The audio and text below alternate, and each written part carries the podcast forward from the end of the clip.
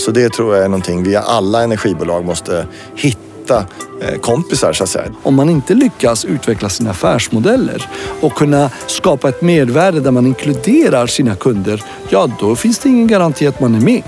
En förutsättning är att man har förtroende i samhället för att kunna lyckas. Varmt välkommen till podden om framtidskraft. Jag heter Karin Bodén och jag jobbar för Jämtkraft. Och jag heter Anna Fransén Starin och är trend och omvärldsanalytiker. Idag ska vi bland annat få möta en minister och en person som tittar väldigt kreativt på det här med hur energiföretagen behöver arbeta för att vara attraktiva i framtiden. Och dessutom så kommer vi få lyssna lite på hur några unga personer som representerar politiska ungdomsförbund resonerar kring val av energileverantör. Men då tycker jag vi kör igång. Ja! Du lyssnar på podden om framtidskraft. Hej, jag heter Ibrahim Baylan. Jag är samordnings och energiminister i regeringen. Vad skulle du säga är den viktigaste frågan för energibolagen i framtiden? Eftersom vi har en, just nu en fantastisk utveckling inom energisektorn globalt där det händer väldigt mycket på alla ledder. Från generering av el till överföring, till användning, till lagring som ju är någonting som ändå kommer starkt. Så tror jag att det viktigaste för bolagen är att fundera på hur ska de utveckla sina affärsmodeller? För att hittills och traditionellt sett har man ju haft väldigt goda marginaler på att generera och sälja elektricitet och överföra elektricitet. Men det är helt uppenbart att det kommer bli enklare och enklare såväl att generera som att överföra. Och vi kommer också se fler och fler tidigare konsumenter som kommer att vara med och göra detta. Då tror jag att för energibolagen kommer det handla väldigt mycket, okej, okay, hur ska vi ändå utveckla våra affärsmodeller där vi inkluderar våra kunder och skapar ett mervärde som också går att ta betalt för, exempelvis i form av tjänster. Vilka trender skulle du säga är de som kommer att påverka energibranschen mest i framtiden? Ja, det är ju den decentralisering som vi just nu ser i form av eh, solceller som man kan sätta upp på vilket hustak som helst. Och kanske det i kombination med en lagring som blir allt mer kostnadseffektiv. Då blir det till och med möjligt i ett land som Sverige som ju har solen framförallt koncentrerat sommarhalvåret att kunna ha det som ett realistiskt alternativ för hushållen. Det vill säga att man har solceller som täcker större delen av elbehovet och de timmar på dygnet eller de månader på året där det inte är lika soligt så kommer man kunna, tror jag i framtiden, även om det ligger några årtionden framför oss så är det tydligt att det är åt det hållet vi, vi går. Att kunna använda den lagrade elen, någonting som ju idag inte är kostnadseffektivt eller möjligt förutom när det gäller vattenkraften. Pratade ministern lite grann också om delningsekonomin i det här om jag får fråga? Ja, det ser vi ju. Framförallt skulle jag säga digitaliseringen som möjliggör delningsekonomin. För det här ser vi också väldigt tydligt i form av smarta nät och annat som gör att det går faktiskt att samarbeta och dela mellan grannar på ett helt annat sätt och man löser det gemensamt på ett helt annat sätt än vad kanske har varit möjligt. Och digitaliseringen så kommer också det starkt och det ser vi över hela energisektorn idag. Såväl på smarta nät som Internet of Things med mera som gör att delningsekonomi blir en helt annan eh, realitet på ett helt annat sätt. Jättespännande. Om du fick en möjlighet att ge en uppmaning till en styrelse i ett energibolag, hur skulle den uppmaningen låta?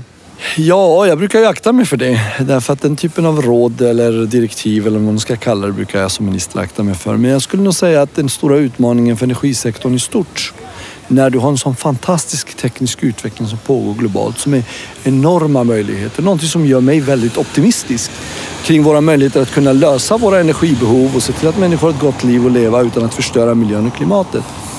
Det är ju att kunna kombinera den här fantastiska utvecklingen med affärsmodeller som gör det möjligt att investera.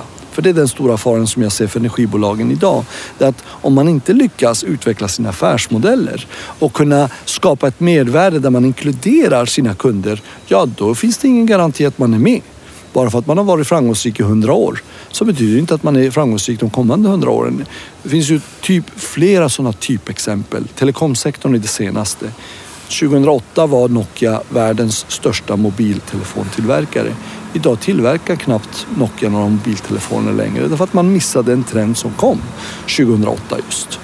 Och min sista fråga till dig handlar om någonting som jag ser en väldigt tydlig trend i. Just i den här digitala transformationen så ser man en ny typ av samarbeten som sker.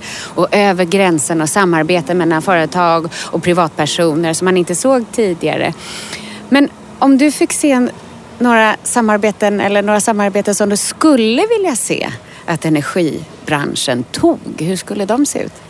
Jag har ju försökt på alla sätt och vis jag kunnat som energiminister att bidra till en ökad samverkan och samarbete och dialog i energibranschen. Hela Energikommissionens arbete har varit upplagt på det sättet med workshops, med seminarier med mera. Eh, och det tror jag har varit väldigt till gagn för att vi skulle kunna komma överens till, till den energiuppgörelse som vi idag har som jag tror är väldigt bra och lägger en bas. Men jag tror att när det gäller just bolagen så tror jag att det är just närheten till kunderna.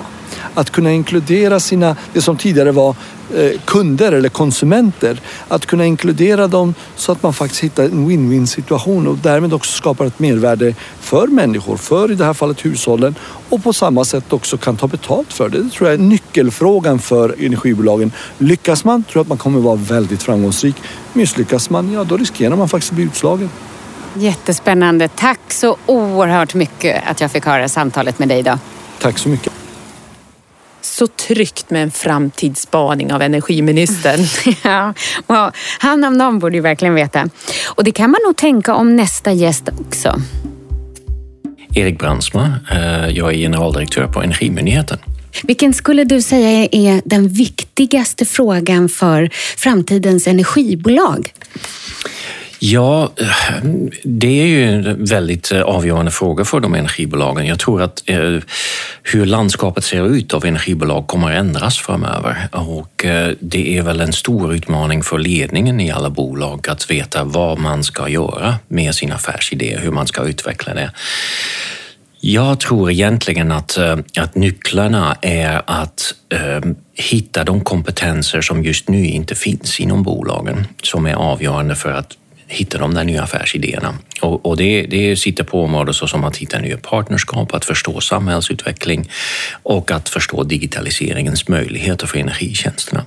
Nätet är ju en fantastiskt intressant eh, del av energisystemet och där finns ju en antal möjliggörare för nya tjänster. Ehm, och eh, hur långt det ska gå in i säg, våra hem och våra, våra arbetsplatser, det är ju en intressant fråga att ställa eh, i, i ledningsgrupperna på, ehm, på energibolagen det, det, blir tufft. Jag tror att den, eh, den tiden att, eh, att eh, man hade bra marginaler och att, att man visste ganska långsiktigt hur, hur utvecklingen skulle vara, den är, den är förbi och man är mycket medveten om det. Men att göra de skarpa val som nu behövs för att eh, koppla energisystemet till exempel till transportsystemet att göra val om vilka partners man ska hitta i, i sin affärsutveckling. Eh, hur man också ska eh, jobba eh, i, sig på lokal, regional, kommunnivå är en intressant fråga. Eh, och sen övergripande energibolag måste jobba med sin trovärdighet gentemot eh, samhället, mot, eh, mot dig och mig som, som medborgare i, i svenska samhället. Och nu ska vi gå in på detaljerna, Erik. Jag tänker höra, hur tror du att digitaliseringen kommer att påverka framtidens energibolag? Ja, um... Det finns ju två delar där egentligen. Det är, om man pratar digitaliseringen, det är så datamängden, mängden data som man, ehm, som man ehm, samlar in eller hanterar och, och så, eh, big data. Och den andra är att förstå hur man vill uppleva sin, uh, sina säg, user experience mm. är något som, som spelar där. Hur, vad vill man erbjuda och hur vill man att man upplever den, den tjänsten? Och, uh, det tror jag är en, en, en utveckling som vi kommer se också ske inom energibranschen. Där kommer, det kommer vara nya, eh, nya erbjudanden, eh, nya paket eh, och det kommer göra det möjligt att också skapa en robusthet i systemet som, eh, som då snabbt agerar på eventuella haverier som, som kan dyka upp. Ehm, samtidigt skapar vi ett system som är också mer sårbart, så vi måste ju tänka på, på säkerheten, eh, intrång och skydd mot detta. Och då, då mm, Eh, ska man förstå att det, det, går ju inte att förebygga. Man måste nästan ha system som är självdiagnostiskt och eh, kan själv hantera intrång och, och säkerhetsaspekter och genom att eh, stänga av sig eller, eller koppla bort sig i tid. Jag tänker också, apropå det här, jag har sett individualismen som en väldigt stark trend under många, många år. Men det börjar dyka upp en neokollektivism där vi går ihop igen i grupper där bland annat delningsekonomi med företag som Uber och, och Airbnb börjar eh, tona fram. Vad tror du, hur kommer delningsekonomin att påverka framtidens energibolag? Ja, eh, det kan det göra på många olika sätt. Det, kan ju betyda att eh, man väljer en egen väg eh, tillsammans med andra grupper och det ser man ju också exempel av vissa kvarter som, som skapar ett eget mini-energisystem för sig själv eh, och därmed säger till de stora energibolagen eller de andra traditionella leverantörerna att vi klarar oss själva, tack. Ehm, och det, det möjliggör digitalisering och ny teknikutveckling. Uh, pratar om blockchain technology och utvecklingar och sånt som kommer från bitcoin-ekonomin. Ehm, men man, och det är en viss delning där också. Ehm, men sen finns det andra potential om man, ehm, där också energibolagen kan använda den här utvecklingen för att hjälpa att eh, skapa det robusta energisystemet som, man, som vi kommer att behöva också. Eh, till exempel om, man, om, jag eh, skulle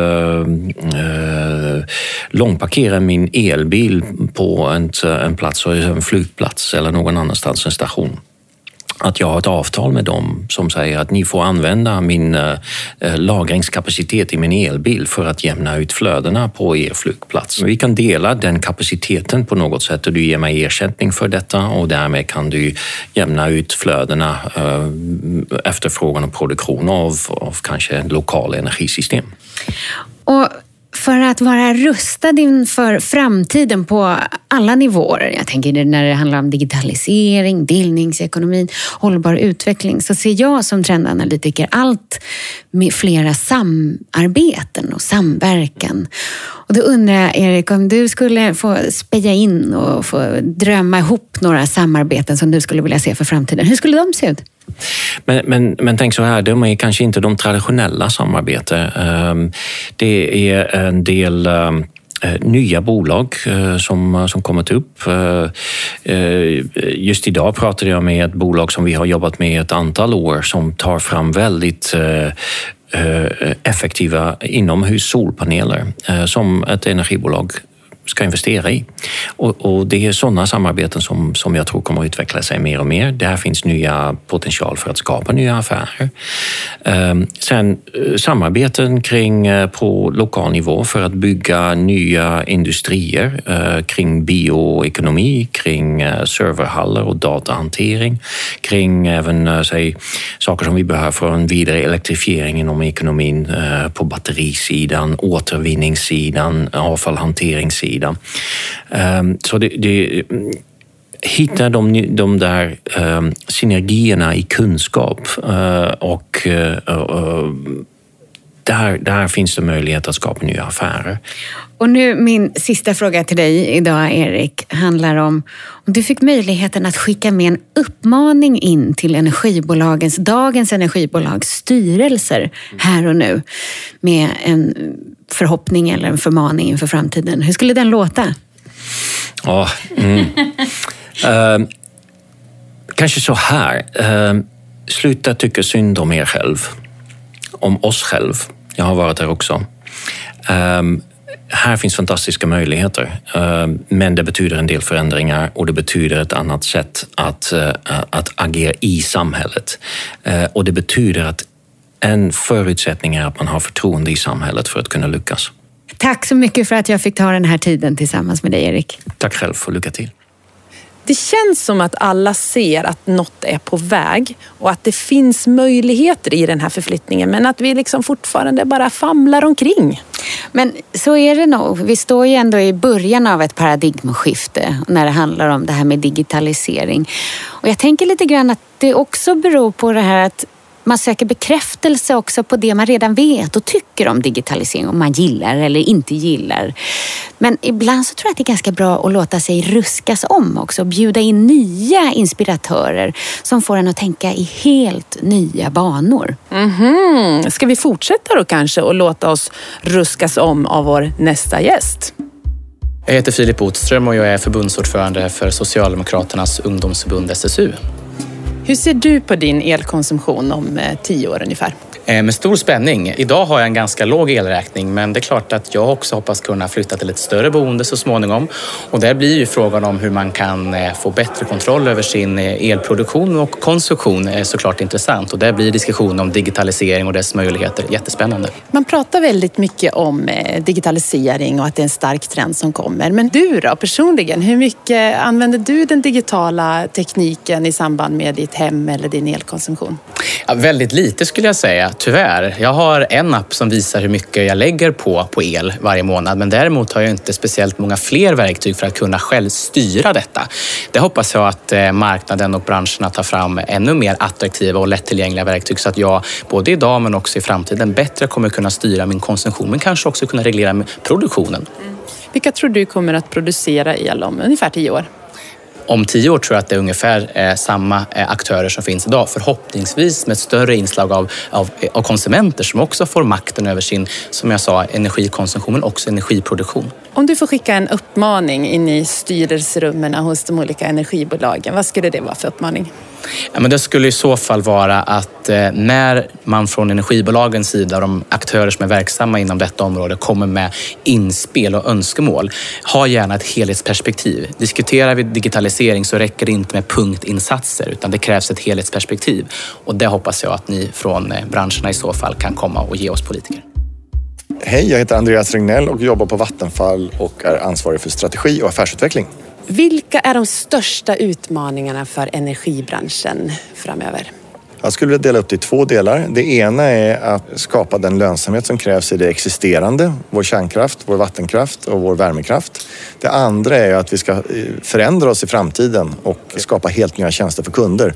Och det har vi inte varit så bra på historiskt och det måste vi lära oss fort. Hur tror du att digitaliseringen kommer att påverka det här? Att digitalisering kommer dels göra det förhoppningsvis billigare att driva den existerande verksamheten för att göra att vi kan bli mer effektiva. Men det är också att i stort sett alla de tjänster vi ska utveckla mot kund kommer att ha en stor komponent av, av digitalisering i sig. Så att det är väldigt viktigt för oss att lära oss på båda sidor. Kan du konkretisera på något vis? Mycket av det som kommer att handla om i framtiden det är att hjälpa kunderna att styra givet att vi tror att priserna kommer att gå väldigt mycket mer upp och ner än vad de gjorde historiskt. Och kunderna kommer inte vilja vara involverade i det här men, vi måste kunna styra en massa pryttlar hemma i hemmet då. Och det är där digitaliseringen kommer in. Vi behöver helt enkelt skapa en, en app kanske, som du har på din telefon som sköter allt det här åt dig. Ja. Eh, och det krävs stora kunskaper i digitalisering för du måste kunna styra din värmepump, du måste kunna styra ditt kylskåp och du måste kunna styra din värme. Eh, det är ett exempel på varför digitalisering blir viktigt. Hur tror du att delningsekonomin kommer att påverka energibranschen? Det är en väldigt intressant fråga och jag tror att den kanske för oss först kommer in i transportsektorn. Eh, vi har våra hus och vi har våra kommersiella fastigheter och där är det en, lite svårare att få se stora konsekvenser av delningsekonomin. Men just på transportsektorn, där tror jag att vi kommer se stora förändringar. Jag tror vi kommer att ha färre bilar i framtiden, men elektrifierade. Så att nettot blir det fortfarande en tillväxt för elindustrin. Men, men eh, antalet bilar kommer bli färre tror jag. Som vi delar på istället då? Som vi delar på istället. Vilka samarbeten skulle du vilja se att energiföretag startar? Jag tror att för att vi ska bli duktiga på digitaliseringen eh, så måste vi jobba med företag som har gjort det här förut. Så det tror jag är någonting vi alla energibolag måste hitta eh, kompisar, så att säga. digitala kompisar som vi kan lära oss av så att vi kan använda våra styrkor eh, som vi har och koppla ihop det med, med digitaliseringsbolagens, eller de som kan digitalisering. Så att vi får lite fart, annars går det för långsamt. Ja, det där var faktiskt dagens avsnitt av podden om framtidskraft. Vi vill tacka våra gäster som deltog i dagens avsnitt. Men framförallt så vill vi faktiskt tacka dig som lyssnade. Tack!